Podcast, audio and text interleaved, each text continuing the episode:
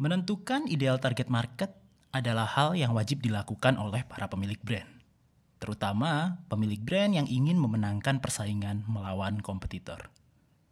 Dengan ideal target market yang jelas, kita bisa melakukan aktivitas marketing secara lebih efektif dan efisien. Di episode kali ini, kita akan bedah tuntas cara menentukan si ideal target market ini nih. Yuk, singkat aja.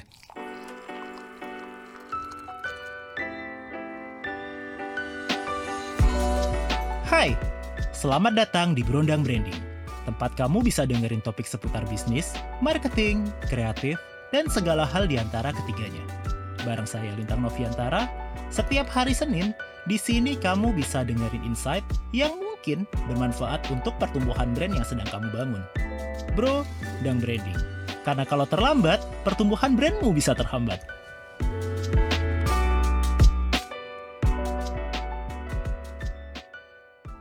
Para founder top tier company sepakat, untuk memasuki kompetisi yang lebih besar, kita wajib memenangkan liga-liga kecil terlebih dahulu. Apa maksudnya? Maksudnya adalah sebuah brand baru akan diterima oleh market yang lebih besar kalau dia berhasil melayani market yang segmented terlebih dahulu. Contohnya Amazon. Awalnya dia dimulai dari sebuah toko buku dengan target pembeli mereka yang suka belanja online. Lalu ada eBay, memulai bisnisnya dengan menargetkan para kolektor. Lalu ada Facebook yang awalnya untuk kalangan mahasiswa Harvard saja. Ketiga brand ini tadi punya kemiripan. Mereka bermain di liga kecil, memenangkan persaingan, dan membuktikan bahwa apa yang ia tawarkan siap dikonsumsi oleh market yang lebih besar. Baru dari situ mereka melakukan iterasi terus-menerus, berinovasi agar semakin cocok dengan kebutuhan majority market. Ini yang jarang pemilik bisnis UMKM siap untuk lakukan.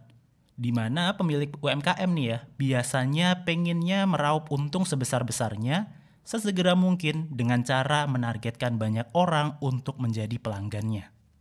Sedikit bertolak belakang ya dengan cara top tier company memulai bisnisnya. Kalau kamu tertarik, ini dia cara mudah dan pastinya murah untuk melakukan riset mandiri dan menentukan ideal target market. Langkah pertama, mulai dari data yang kamu miliki. Dari insight di sosial media, ada cukup data untuk memahami bagaimana karakter audiens di sekitar kita.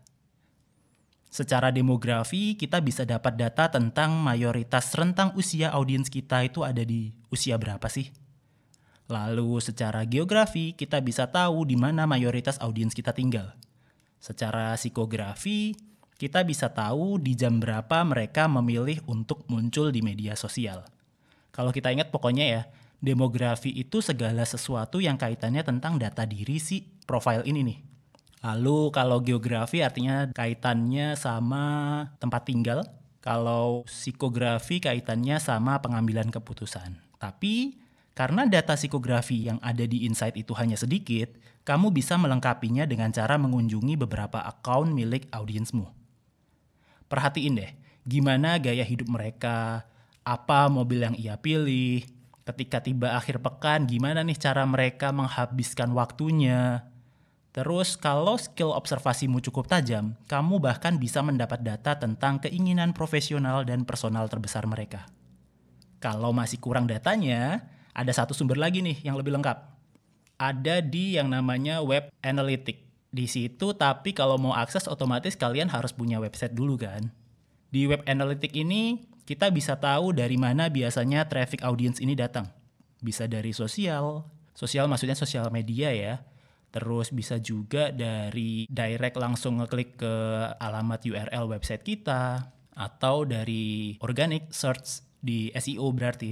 Nah, kalau di web analytic itu juga kita bisa tahu device apa yang dipakai sama audiens kita. Jadi kita bisa nentuin tuh nanti pengembangan-pengembangan ke depannya web kita tuh bakal seperti apa.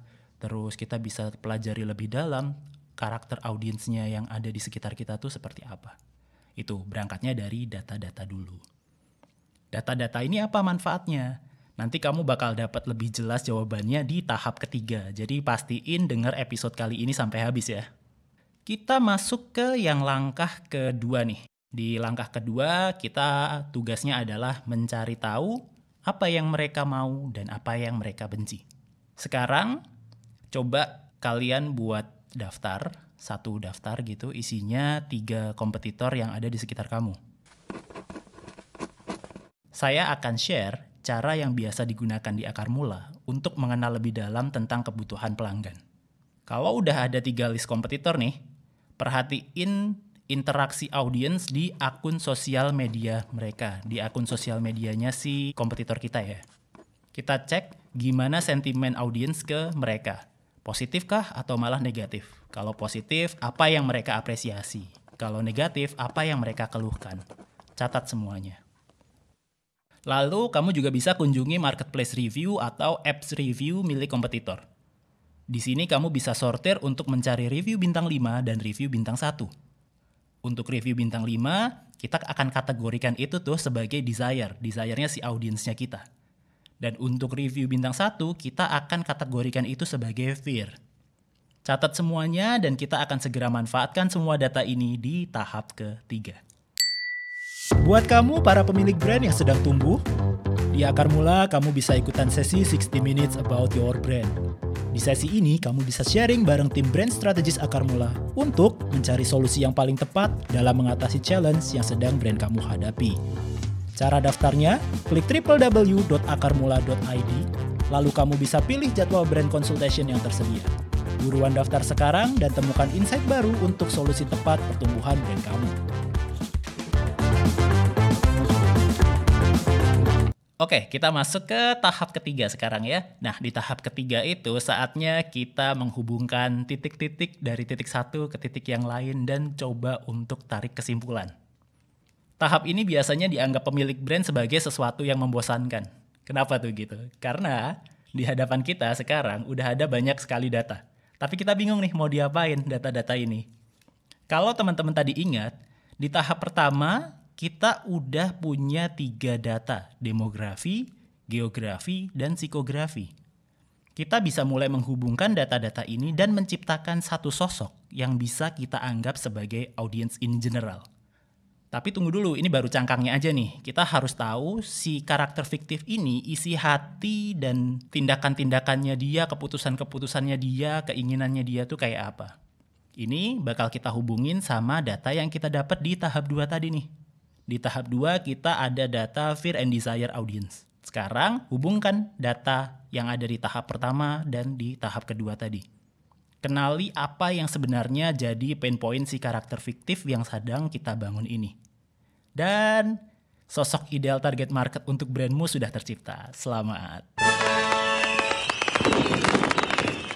Kita tiba di akhir episode. Kesimpulan apa nih yang kira-kira bisa kita tarik dari episode kali ini ya?